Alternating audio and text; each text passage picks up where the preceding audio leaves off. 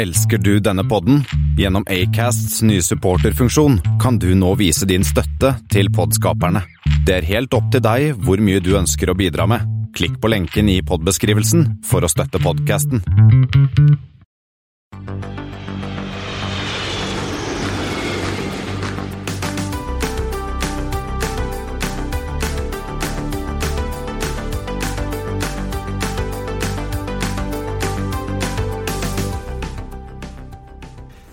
Og velkommen om bord på flypoddens flight 124, som i dag går med en Antonov AN 124, selvfølgelig.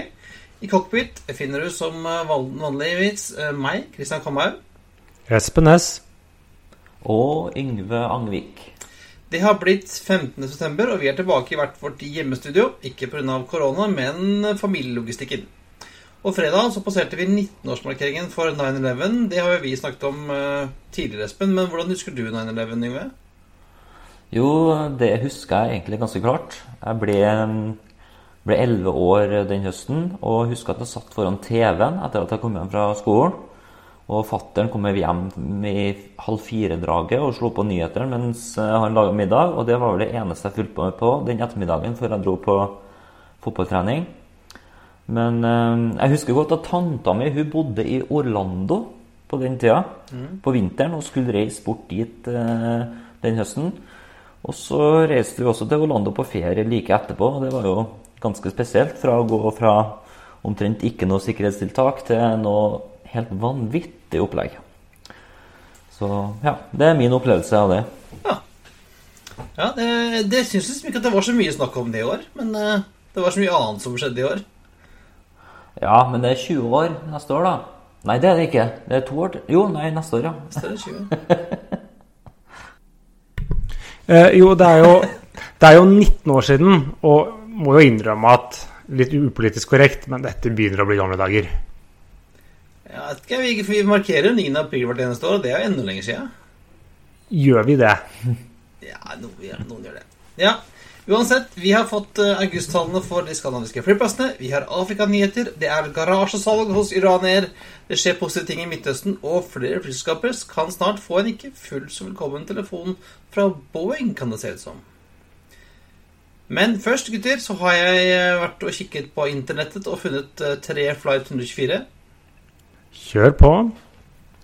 Vi begynner med B624 LAXJFK. JFK. Ja, B6 Ja, det- er jo JetBlue.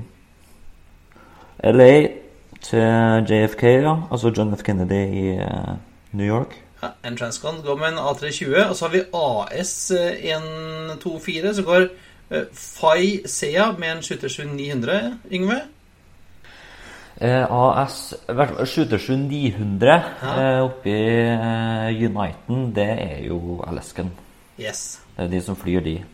Og så drar de i hvert fall til Seattle, men Fay, det vet ikke jeg. Det er jeg litt usikker på. Fairbanks, tipper jeg. Fairbanks. Fairbanks, Alaska. Langt oppi, der det er kaldt og ja, kaldt og mørkt. Så har vi HA124, som går LIH til HNL med en 717. Hvor er vi da, Espen? Da er vi på Hawaii og med Hawaiian Airlines. Og eh, Honolulu, det er jo eh, H HNL. Og så LIH er noe sånn som Lihoe, eller hva nå det uttales Ja, eller skrives. Riktig. Det er Lihoe. Ja. Og hva har disse tre til felles? Amerika. Ja, men det er noe mer spesifikt, da.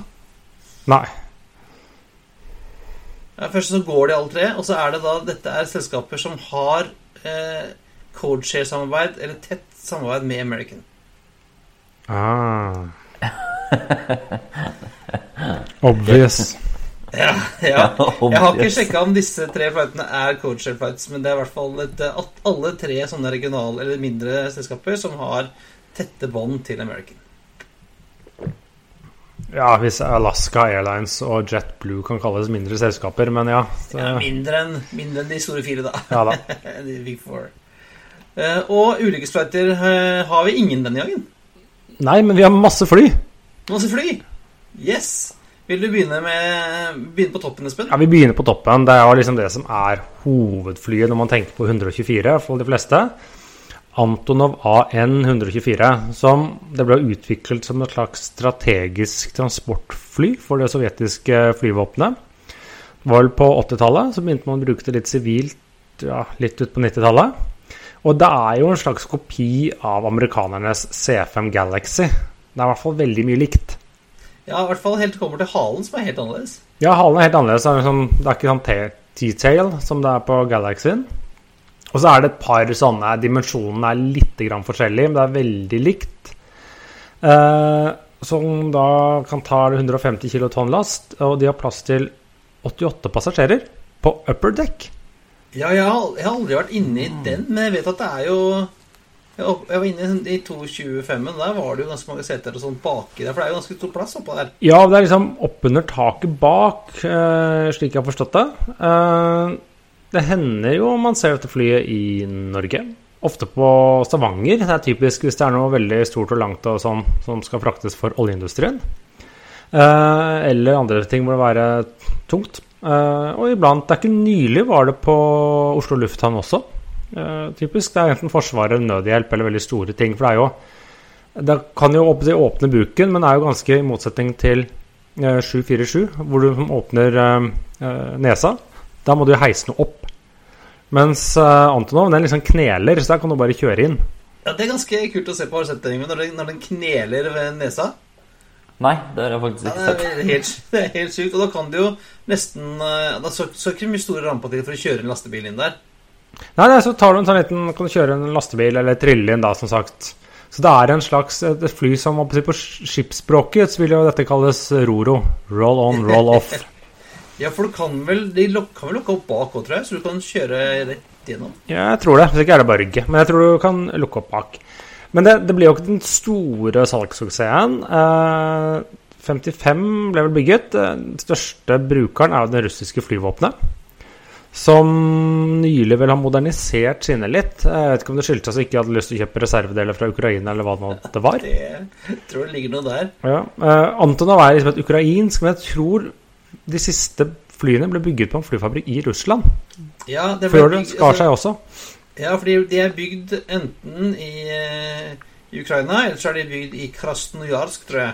Ja, og det er der din gjenværende tror jeg, utstyret står til å bygge. Så det var jo snakk om at de skulle gjenstarte produksjonen av dette eh, før det skar seg mellom Ukraina og, og, Russland. Ja, og nå er jo liksom problemet da, er jo at uh, de, de, er så fulle av både russisk og ukrainsk komponenter at ingen av de klarer å lage, bygge de egentlig uten den andre. Eh, Nei, og det vil de jo ikke. Og så, Vi var enige om de brukes jo da mye sivilt.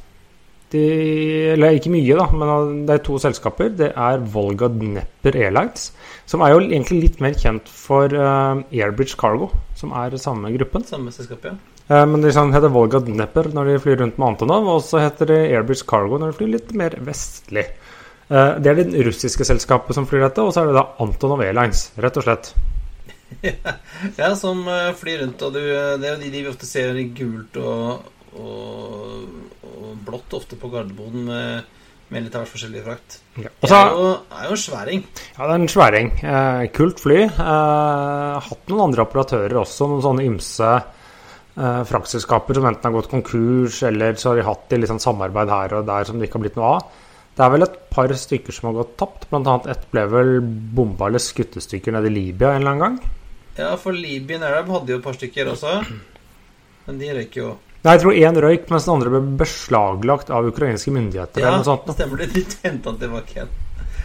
Eh, de flyr rundt, rundt, omkring. De, ses, de syns jo veldig ofte rundt omkring i hele verden, egentlig. De, jeg tror de får, uh, får brukt kjedene sine ganske godt. Ja, for det morsomme er jo at de, ofte, de flyr jo ofte for amerikanske militære også. Ja, fordi i hvert fall tidligere så er det eh, De bl.a. kan frakte helikoptre litt enklere enn en del andre. Og de brukes iblant av Boeing eh, hvis det er noe som haster, for de eh, kan fly de største motorene deres hvis det har liksom vært krise et eller annet sted. Så de har hatt en sånn avtale um, om å frakte. For det er jo litt sånn unikt fly ved at det liksom er uh, det sivile passasjerflyet som er det som har størst kapasitet, eller i hvert fall muligheten til å ta de største tingene, vil jeg ja. kalle det. Ja, det er, jo, det, er jo, det er jo ikke det tyngste lenger etter at eh, 7478F kom, men det er jo sånn at Det kan ta svære greier som tar mye plass. Ja, men min, Båter og eh, Jeg så et bilde her hvor de hadde eh, Tyskerne kjøpte jo den, eh, denne gamle 737-200 som ble kapret av hun Suhaila Andraves back in the day. Sto jo på et eller annet sted i Sør-Amerika, så fløy de den hjem med en uh, Putta hele flykroppen inn i en sånn en. Ja, nei, det, det har sitt uh, har sin nisje. Men det er jo spørsmålet det er nok, nok et fly som har sin nisje, men som det i dag ikke fins en direkte erstatter for. Nei. Nei, noen må bygge en ny, for at, uh, det er jo ganske lenge siden de er bygd. Det er ikke så mange igjen. Uh, 50, som du sa, 55 bygget, og par, ganske mange av de har sånn, eh, forsvunnet med, med årene. Så ja, det trengs en ny. Hvis ikke noen klarer å bygge om en eh, 3 A380. Men jeg ser det, Svart s- flagg, da. noen hevder at flyet er ganske lettfløyet, og for å være den størrelsen, så var heller kanskje enkeltes selskaper eller enkelte lands CRM, eller mangel på det, og kultur, som kanskje fikk det til å ikke alltid gå så bra. Og ting som fløy gjennom lufta. ja, som ikke skulle vært der. Ja, og og vi har jo en annen 124 også fra eh, gamle Sovjet. Ja, og det er forvirrende. Hvorfor skal de, det landet ha to fly som heter 124? Det er ingen som holder på sånn. Ja, Sovjet holdt på med den. Vi har, den, her kommer, den her kommer mye tidligere, tilbake i 1960. Vi snakker om Tupolev, eh, TU 124. Vi har jo eh, snakket om 104 tidligere. Ja, og 114, og disse henger Ja. sammen. Vi vil jo nesten anbefale folk å gå tilbake til vår flight 104, fordi 124 er jo egentlig 104 som er lagd litt kortere for å fly litt lenger. Eh, litt, mer, litt større salgssuksess enn eh, AN 124. Solgt, bygd 164 stykker fra 1960 til 65. Og, men eh, var ikke noen kjempeeksportsuksess for Sovjet, eh, selv om den var billig eh, å selge og billig å drive. Solgt til CSA, Iraqi Airways og Interflug. Mens militære og VIP-utgave solgt til Irak, Kina, India, Øst-Tyskland og Tsjekkoslovakia til, til Sovjet. da Men så har vi en raring. Ja, Snakker vi dob dobbeltdekker eller trippeldekker, eller hvor mange dekk snakker vi nå på jeg neste tror den har to. Eh, Ja. Jeg tror disse bildene av disse vinduene lurer oss litt. Men altså, vi har nå Douglas C124 Globemaster 2. Som ble introdusert i 1950 og fløy fra 1974. Og den ser jo helt sjuk ut, Espen. Tenk en DC6, bare litt styggere i to etasjer. Da nærmer vi oss, gjør vi ikke det? jo eh, Altså, kunne det ta 31 tonn frakt. Det er ganske mye På den tiden, ja. På den tiden. Men Ja, bygget, det altså- bygget mange. Bygd 100, 448 stykker. Mm. Um, det er ikke så mange igjen. Det fins noen rundt på museum og sånn. Og det, det, hadde- den hadde jo sånn uh, clamshell door som åpnet opp liksom undersiden av nesa. Og da kunne du også da kjøre inn tanks og bulldosere og alt mulig rart inni der. Den der tror jeg ble brukt veldig mye under Vietnamkrigen. Om jeg ikke tar helt feil. Ja, både Korea og Vietnam. Ja. Og, og de kunne i tillegg til å ha Og så hadde jo lasterommet der var 23 meter langt, så du kunne liksom dytte inn lange, lange tunge ting og sett den, ta en rakett.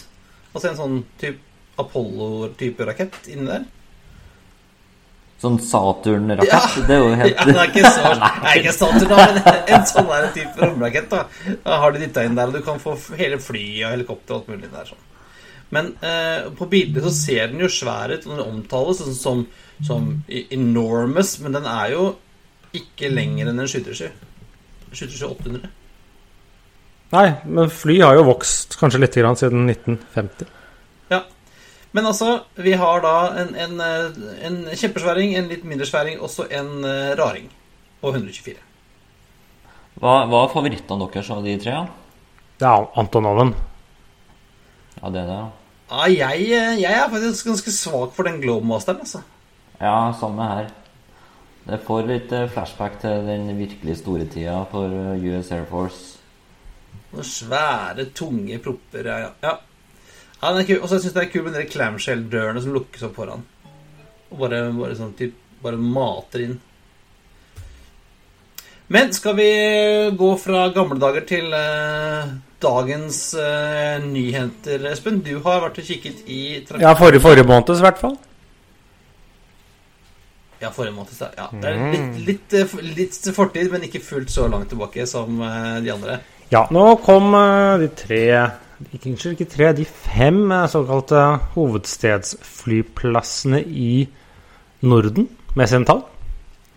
Det var vel ingen store endringer kan jeg si, i, i rekkefølgen, men det er litt forskjellig utvikling. OSL var størst. Nesten 720 000 passasjerer. Det tilsvarer en nedgang på 73 Eh, det som eh, Som sagt, OSL er fortsatt størst, men som den eneste av eh, flyplassene så hadde da den en aldri så liten nedgang i antall passasjerer, med 55 000. Så her har Sammenlignet liksom, med juli? Sammenlignet med juli, så den her hadde faktisk færre passasjerer. Det skyldes jo at forretningstrafikken ikke er tilbake, og når fritidstrafikken gikk litt ned etter sommerferien, og samtidig som veldig mange land nå har fått karantene bestemmelser, så er jo det resultatet av det. Hva var fordelinga på utenlandsk eh, og innenlandstrafikk? Uh, innenlandstrafikken er vel ned rundt Husker ikke om det var rundt 60 uh, mens utlandet er ned 85 sånn at innland er jo veldig mye større. Er det ikke sånn rundt 85-15 eller noe? Uh, nei, er litt større. Jeg lurer på om det er ca. 20-80-fordeling. Ja. ja. Cirka røftlig rundt det nå. Nest størst som forrige måned var København. 612 000 passasjerer. Det er en nedgang på 79% 79,2 Eh, Men de hadde en svak vekst fra juli på 46 000 passasjerer. Eh, Som sagt en vesentlig lavere vekst enn forrige måned, men det går i hvert fall oppover.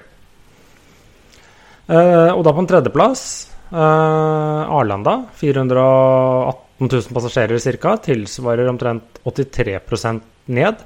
Men det var den flyplassen som voks, vokste raskest i august sammenlignet med juli. Så de hadde 100 000 flere passasjerer, eller dvs. Si en tredjedel flere passasjerer enn juli. Så det er den eneste som hadde liksom en helt grei vekst sammenlignet med måneden før. Eh, og det skyldes jo at Sverige har mange flere land enn som er grønne for svensker, eller gule, eller hva man skal definere det som. De reiser jo de reiser overalt, de nå. Mm. Og liksom utviklingen i landet. Eh, Helsinki er fjerde størst. Eh, 700, nei, 270 000 passasjerer. Men den som gjør den relativt sett dårligst, det er jo ned nesten 87 eh, Riktignok 56 000 passasjerer flere enn i juli, men det er den som har prosentvis det laveste antallet. Sånn så vidt foran Keflavik, som endte på 134 000, minus 84% Og det var også omtrent jo- flatt fra måneden før. Ja, Helsinki har jo som alltid vært, eh, vært veldig avhengig av Asia, da. Og det er jo helt vekk. Asiatrafikken og si, transfertrafikken, og så er det si, De og Keflavik har, eh, Det er lite innenriks. Ja. Det er litt grann på Helsinki, men det er, eh, er relativt lite. Så de må liksom vente til denne internasjonale trafikken kommer i gang. Det må til dels København også, men eh, København er jo den eneste av disse hvor utenrikstrafikken er størst. Ja. Eller Keflavik òg, men der er, går det jo ikke utenrikstrafikk. Nei, det, det, det peker sakte, men sikkert eh, oppover. Det er veldig interessant å se når vi får september. Ja, det går sakte, men sikkert. Men jeg, jeg tror september blir ganske lik august for alle flyplassene. At vi ikke ser en, eh, ser en vekst der.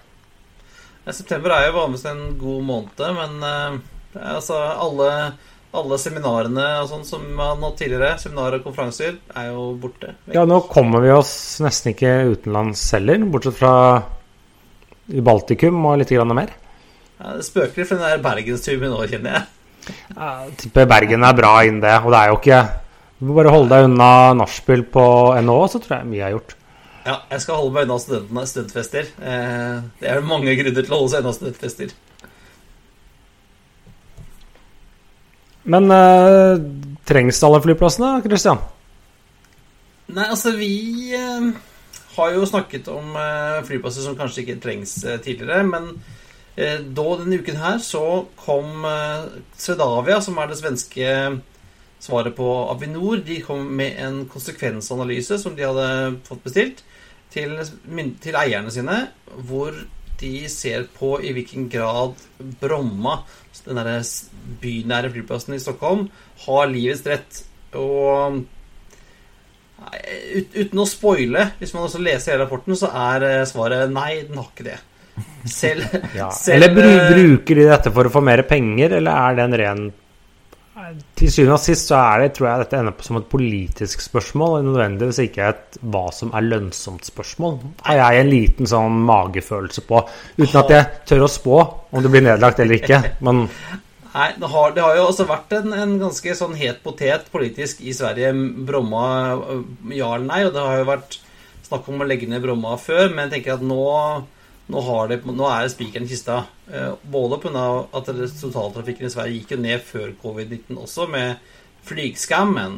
Um, og, og nå som vi da ser at trafikken troligvis ikke kommer tilbake igjen i gamle høyder, om, om noen gang kommer tilbake i gamle høyder, før i sånn type 23-24, så sier eh, at eh, det, det lar seg bare ikke gjøre.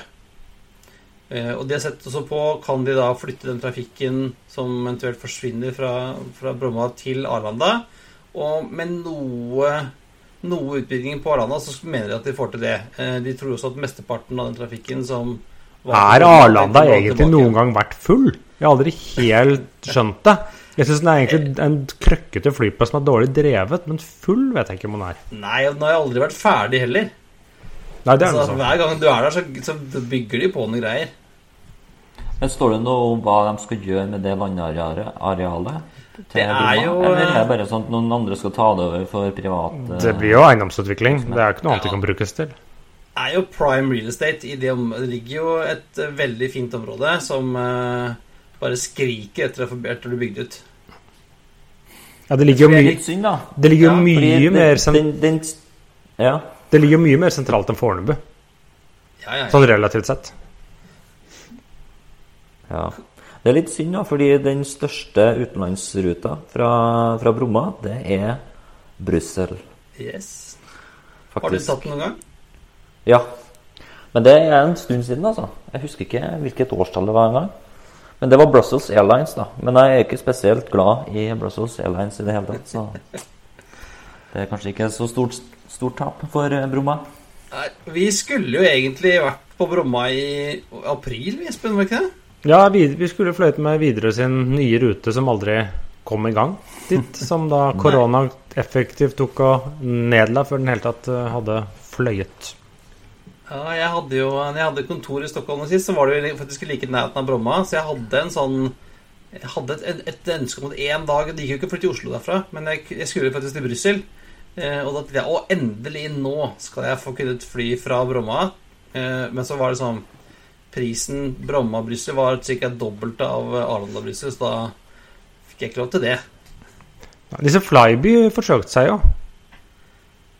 Oslo og Bromma. En eller annen gang for, for Ja, fem år siden, eller fem-seks år siden. Det varte ikke lenge. Ja. Nei, og så er spørsmålet hva skjer med, med Bra, da? Om, eh, om Bromma legges ned? Nei, hvem vet. De skal jo i hvert fall starte opp igjen nå i september, er planen. Men eh, ja, flyene er jo der. Men det spørs jo om eh, godeste Bråten gidder å investere mer i, i selskapet hvis det uansett går mot slutten.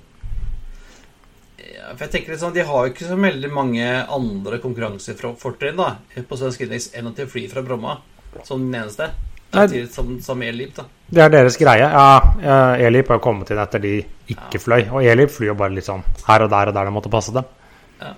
Så, eh, men jeg tenker, hvis du, hvis du setter, sender Bra til eh, Arlanda og skal sånn, slåss vinge til vinge mot SAS og Norwegian, det går ikke, tror jeg. Altså. Nei. Det er sant. Hadde jeg vært eh, Bråten her, hadde jeg tatt de pengene og putta i Dyreparken og bygd et eh, nytt Abrahavn istedenfor.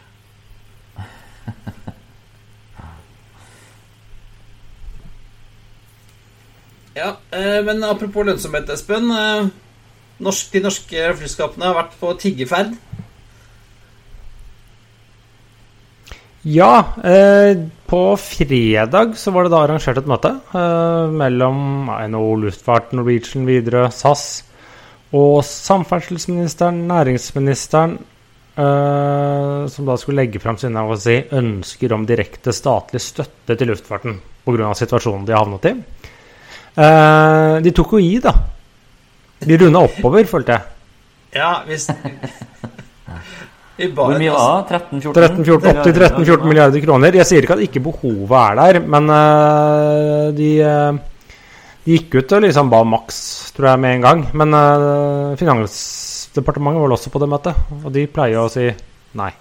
Nei, ja, de får se om det blir noe penger, da. Altså, jeg vet ikke. Hva skal vi gjøre, altså? Det, Altså- det ser mørkt ut. Isolert sett så er det her vilt mye penger, da. Og norske myndigheter har jo generelt vært ganske lunken til å gi både lån og kontantstøtte, som det er snakk om her, da, direkte støtte til flyselskapene. Men jo Men eh, verdt å merke seg da, at Iselin, Iselin Nybø, altså næringsministeren, eh, ville jo ikke love noe, men hun mener at flyselskapene har et realistisk bilde av situasjonen. 13-14 milliarder kroner. Ja, så er det sånn Kan, kan vi få de, da? Men det, er, men det er jo litt sånn at det er jo Det som skjer nå, skyldes jo ikke at flyselskapene har drevet dårlig eller gjort noe, gjort noe feil. Det er faktisk myndighetene som har stengt ned, ikke flyselskapene. Nei, men altså vi har jo, Dette har vi jo sagt om mange ganger, at, at det handler om å, om å tilpasse den, det tilbudet man har, da, til den etterspørselen som fins. Men, men eh, det er jo litt problem, utfordringer med det. På det ene, for det første så er det jo, tar det jo lang tid å kutte kostnadene. For det er jo Du er ikke så lett å bli kvitt fly, og du, det er jo ikke bare å si opp tusenvis av ansatte heller. Og så er det litt sånn der chicken race også, fordi at ingen vil jo ha kutta kapasiteten etter beinet hvis det plutselig åpner opp neste uke. Nei, og så er det så begrenset hva du kan kutte. Og det er som sagt, jeg sier at flyselskapene det som at de vet jo ikke når det åpner opp. Og det er jo staten som i og for seg har bestemt at det skal stenges ned. Det er jo staten som sier at man ikke kan gå på konferanse, har tatt det valget. Eh, og da er jo på en måte de som de, de sitter jo igjen med en regning til slutt allikevel, i tapte skatteinntekter eller tapte økte altså, trygder. de, de, har jo, de har jo gjeldende støtteordninger som innebærer avgiftsfritak, momskutt, kjøp av kapasitet. Og de Jo, jo, det er, det er noe, men det fyller jo egentlig bare delvis det hullet. Og det er jo sånn at ja, staten skal ikke dekke alt, staten skal ikke kompensere alt, men på en måte så må man finne en litt sånn middelvei, da. Ja, det der er Ja, altså, hva skal man eh, Hvor lenge skal vi så putte pengene i henne? Altså, jeg, jeg vil jo gjerne jeg, Altså, jeg syns jo gjerne at du skulle ha tatt 13-14 milliarder ut av oljefondet og putta inn der, men, eh, men hva skal staten få igjen? Skal vi nasjonalisere hele bransjen, der? Eller det, er det liksom det vi skal gjøre? Det var jo sånn som du var inne på, Kristian, at det, det, altså, vi, vi snakker jo om 2023-2024, og det vil ikke stoppe med de 13-14 milliarder kronene. Det der er jo et evig sluk i mange, mange år framover. Så jeg tenker at hvis man gir dem, en, øh, gir dem hånda, så tar de hele armen, kanskje, etter hvert. Ja, det, altså, det er jo en, en krise som Altså, vi, vi vet jo det at vi trenger Vi trenger luftfarten. Luftfarten er viktig for at vi skal fly folk rundt. Vi skal få, få um, frakten rundt omkring også. Så Men altså Hvem skal betale greiene?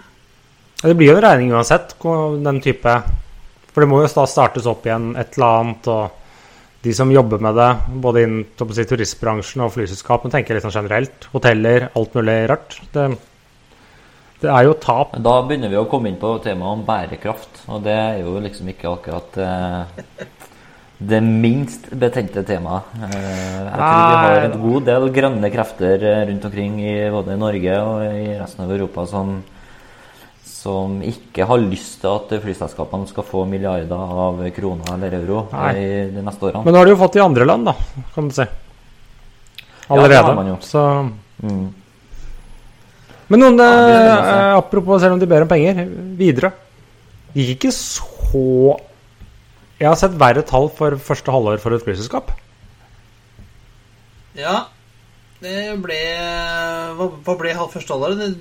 Ja, det, men- det ble minus. Ja, det ble minus, men Widerøe de la fram tall, eller lettere si Torghatten ASA, som eier Widerøe, la fram tall. Også hvis du graver litt i deres halvårsregnskap, så har de en liten kategori for luftfart, som for deres del er Widerøe. Og der eh, De hadde da en omsetning på drøye 2 milliarder kroner, som er jo ned eh, 20% eller nesten en halv milliard, fra året før. Mens den såkalte EBITDA-en, da kalles driftsresultatet, eh, var positivt. 155 millioner kroner. Det var mye pluss 272 kroner i, millioner kroner i fjor, så nesten en halvering. Mens da driftsresultatet, liksom resultatet før uh, skatt og finansiering, på minus 33 millioner kroner av en omsetning på 2 milliarder, det tror jeg er det blant det beste europeiske flyselskapet der ute har klart, av margin og både relativt Det minste minuset. Ja, det, det hjelper jo å, at ganske store deler av driften er, eh, er kortbanenettet som får støtte fra staten. da. Ja da, men de må jo ha kuttet noen kostnader for å lande på dette tallet også, og hatt, hatt noen inntekter. Ja, men jeg synes Widerøe var jo en periode Europas største flyselskap i antall uh, avganger, i hvert fall. Mm. Uh, for de flyr rundt omkring. Jeg ser, så kikker litt på flightradar, så ser jeg det er jo Widerøe-fly rundt omkring hele tida. Mens uh, det er ganske lite med fly ellers, så Nei, de, de har hatt en sånn viktig trafikk eh, gående, både gjennom direkte statsstøtte på de eksisterende fotoruter, og så har det jo vært med dette programmet til staten for å opprettholde et minimumstilbud, og så har de jo benyttet sjansen og fløyet litt, kall det si, på egen kappe. Eh, apropos, de fikk jo et nytt fly, i, i trafikk i hvert fall, da. Eller nytt og nytt. Nytt og nytt. 20 år gammelt. Ja da. Det gamle LNVFB, som tidligere fløy for uh, Uh, Fly Viking. Viking de, ja. uh, de, Men hvorfor har det tatt åtte-ni uh, måneder før det har blitt satt i trafikk? Kanskje ikke behovet var så prekært tidligere, så det har liksom bare hatt én mann som pussa litt på det istedenfor å sette hele arbeidsstyrken. Jeg vet ikke. Men det er jo første Dash 8 i de kall det seg nye fargene. Disse samme fargene som Embraerne har ble levert med. Ja, og jeg var jo ikke noe fan av de, egentlig. Jeg syntes det var mye hvitt. Men, men den, på Dash 8 ble det ganske fint, altså. Vi legger jo selvsagt ut et bilde, så jeg syns det var fint på Embraer nå, jeg. Ja. Men det Ja, jeg liker, liker det. Mer, mer, synlig. Det er litt friskere i fargene, syns jeg. Ja, det er ganske klar og fin grønnfarge. Det er bra. Det er fint. Men nå, Kristian, nå skal vi til Afrikani hetene. Vi er tilbake i Afrika.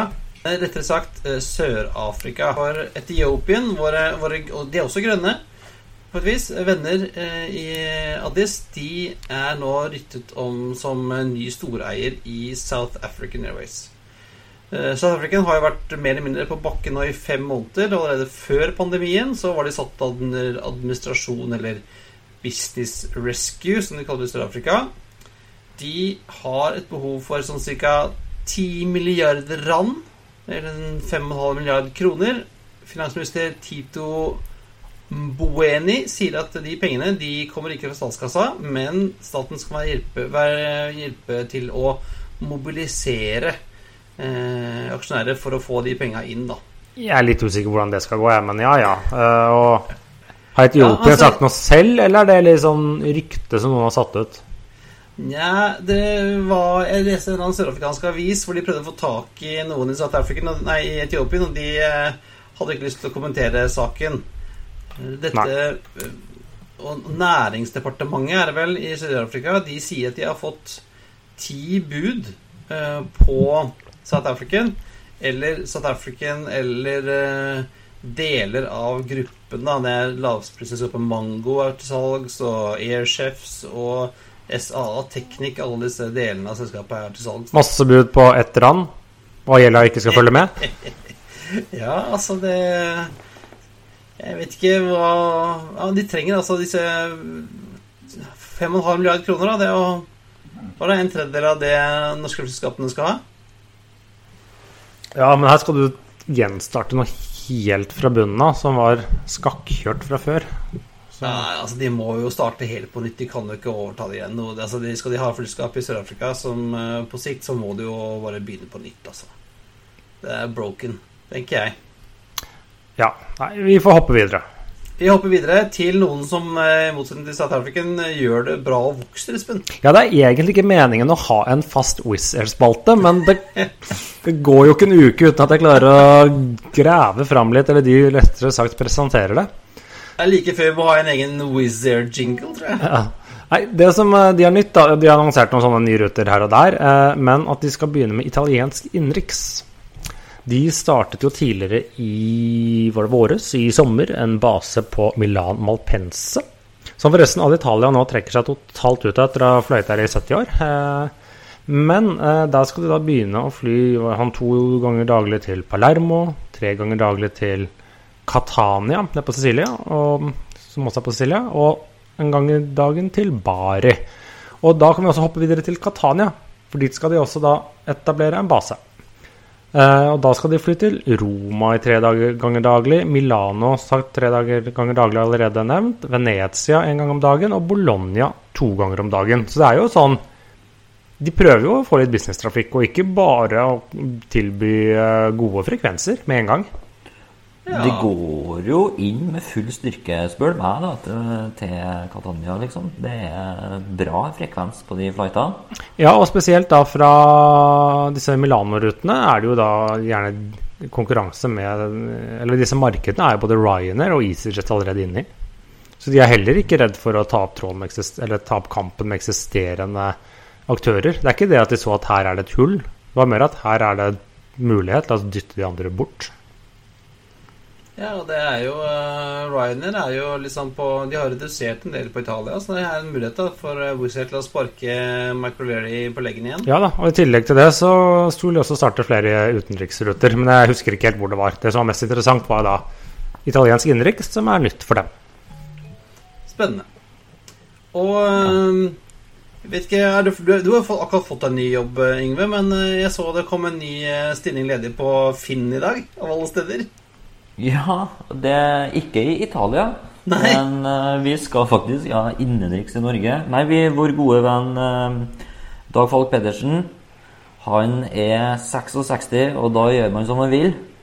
Det betyr at uh, man kanskje begynner å gå inn i, i, i pensjonistenes rekker her. Så da er jo Avinor ut etter en ny konsernsjef, da.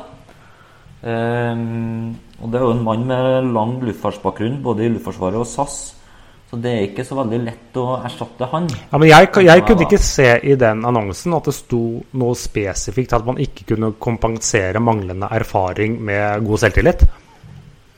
Nei, Det står her at en, eh, en konsernsjef må kunne håndtere et bredt spekter av oppgaver. Det er både det er solid samfunns- og rolleforståelse og evne til å lede endrings- og utviklingsprosesser er viktig for å lykkes. Ja, Det er vel en underdrivelse hva gjelder eh, Avinor og luftfarten. For en uh, småbarnspappa høres det easy-peasy ut. Ja, Du kan jo håndtere et bredt spekter av oppgaver. Du men jeg så jo at du både hadde hjemmekontor og eh, kjøttkakeverksted i dag, så det, alt går. Alt går, ja. Så det Ja. Men bortsett fra dere sjøl, da, gutta. Hvem, eh, hvilke navn skal vi kaste opp i lufta? har ikke peiling.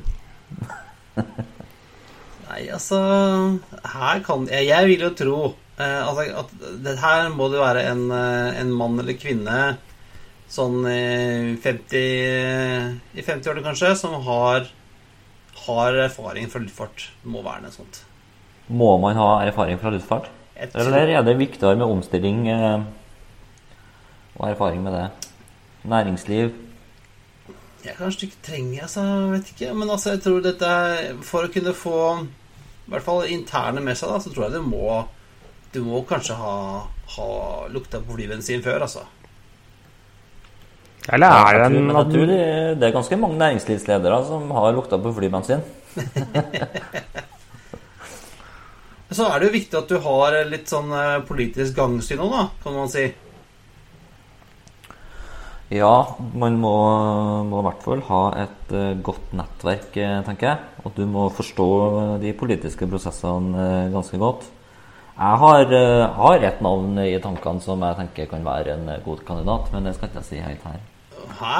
What? Har du sagt A, Hva? så har du, må du si B, Yngve. Dette er Nei, jeg må slå av mikrofonen, kanskje. Og ja, så sitter du på noen inside i departementet. Nei, jeg gjør ikke det, jeg gjør ikke det altså. Men uh, i sånne, sånne type stillinger så, så er det liksom et par navn som man, uh, som man fort tenker på, da. Som eh, er både synlig og har masse erfaring. Litt tidlig for Henrik Asheim, kanskje? Ja. Nei, du, jeg kunne ta en liten prat med han i morgen. Vi får se hvilken karriere han skal ha etter eh, statsrådsposten. Ja, jeg har jo sånn Ke- Ketil Solvik-Olsen, da, Ja. for eksempel. ja. Han har i hvert fall den politiske bakgrunnen og samferdselsbakgrunnen som uh, burde kunne funke. Ja, kanskje det? Nei, jeg tror nok man må ha et um, enda tyngre navn enn det. Ja, Det blir i hvert fall spennende. Jeg vil tippe at uh, det tar vel en liten stund. Sånne prosesser uh, er jo ikke over på 0, svisj. Nei, det var Så, lang søknadsfrist og alt mulig sånne ting. Så Men apropos noe som ikke er over, eller kanskje over, det er i hvert fall langt tilbake. Hvor skal vi nå, Christian? Ja, jeg tror vel det er lettere å, å få en ny konsernsjef til Avinor enn eh, på, på, på Finn enn det er for Iran Air å selge de gamle kjerrene sine på Finn. Jeg kan ikke det er lagt ut, men iallfall uh, lagt ut nå at de skal selge en haug med gamle, ordentlig gamle fly. Vi snakker om tre Airbus A300, to Airbus A310, to Boeing 727-200, én 747-100 en 747-200 og tre stykk Boeing 747 SP. Hvor den eldste er fra 1975. Eldre enn deg, Espen. Ja, og Hva er det du sammenlignet dette med, Christian? Nei, det er vel som å prøve å selge en sånn flatskjerm-TV som ikke er flatskjerm, på Finn. Og sånn tjukkis-TV. Ja, men jeg tenkte, Kan ikke vi bare kjøpe dem, så flyr vi dem til Rygge, så en flyplass kan brukes nå, så lager vi vårt eget flymuseum. Flypodden Flight Museum. Vi bare har noen sånne gamle greier stående. Ja, altså Er ikke det populært med sånne hoteller, da? Du kan jo bare parkere dem på Kjeller eller noe sånt, og så, og så fikser vi noe hotellrom. Ja, bare synd at hotellene ikke har en gjest om dagen, men eller så at du kan spørre Du kan spørre Petter Stordalen om hvordan det går med hotellnæringen. Om, om det trenger trengs flere rom noe sted. Jeg, jeg, jeg, jeg tror nok ikke at eh, jeg, lurer på hvem som skal kjøpe disse greiene her. Um, og hvis du skal kjøpe det, så må du ta en tur til Teheran med et par kofferter fulle av dollarsedler. For at eh, du får jo ikke noe Du får ikke overført disse pengene. Du kan ikke vippse. Eller men jeg tror du må ha rett og slett kjøre koffert. Koffert cash. ja, koffert med cash. Et Widerøe-fly sting av cash. Altså, ikke så mye penger. Det, det, det, vi snakker om, om, eh, om liksom eh, halvt flyvbare fly. Jeg sjekka disse 747-ene. Den 200 er bil 76, og den 100 er bil 79. Vet man om man faktisk får start på dem? Jeg vet ikke. Men altså, jeg, jeg sjekket det Altså, det fins jo et par andre 747-200 som også er sånn fra, fra 80-90-tallet, som fremdeles flakser rundt i Iran, altså. Men de 747, det deres Special Performance Er ikke det det heter? SP? Special jo. Performance. Hæ? Eh, De ble vel eh, bygd i to perioder, hvor den siste perioden var inne i 90-tallet, ikke det? Eller var slutten av 80-tallet? Nei, ikke disse her. De Nei. er bygd i 75, Ja. 76 og 79. Og så ble det noen sånne Ja, okay. SP-maskiner som ble bygget Jeg tror det siste ble bygget var det par 80 eller noe sånt nå, så det var bare en sånn etterslenger. Men det var, eh, det var delvis eh, rett, men ikke på 90-tallet. Men det var eh, Men de, de ble bygd uh, utelukkende for å fly mellom USA og Iran? Ja, i? Iran Air var det ikke det Pan Am sin spesialbestilling sammen med Iran Air for 45 Ja, var den, og så var det så South African kunne fly direkte fra Sør-Afrika til Europa, og så var det for å kunne fly en 747 nonstop over Stillehavet. Det klarte jo ikke disse 100 og 200 modellene nødvendigvis alltid. Mm. Ja, det var ikke, de, de er jo morsomme. Jeg husker de iranere hadde rute på Oslo, så fløy de jo med SP, 747 SP ganske mange ganger. Ja, det var vel det de fant den dagen på flyplassen. Så det, ja, det er kanskje det. Men vi holder oss i, Midtøsten, eh, Yngve. Yes, Jared Kushner Jared på tur. Kushner, Jared Kushner, som vi snakka om for en stund tilbake, han fortsetter å skape fred. Og da er det like før vi er på Jan Egeland-nivå i eh, diplomatiet her.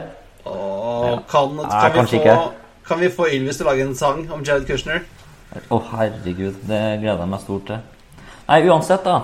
Den 11. september så ble det kjent at Bahrain har inngått en avtale med Israel om å normalisere forholdet og opprette diplomatiske forbindelser.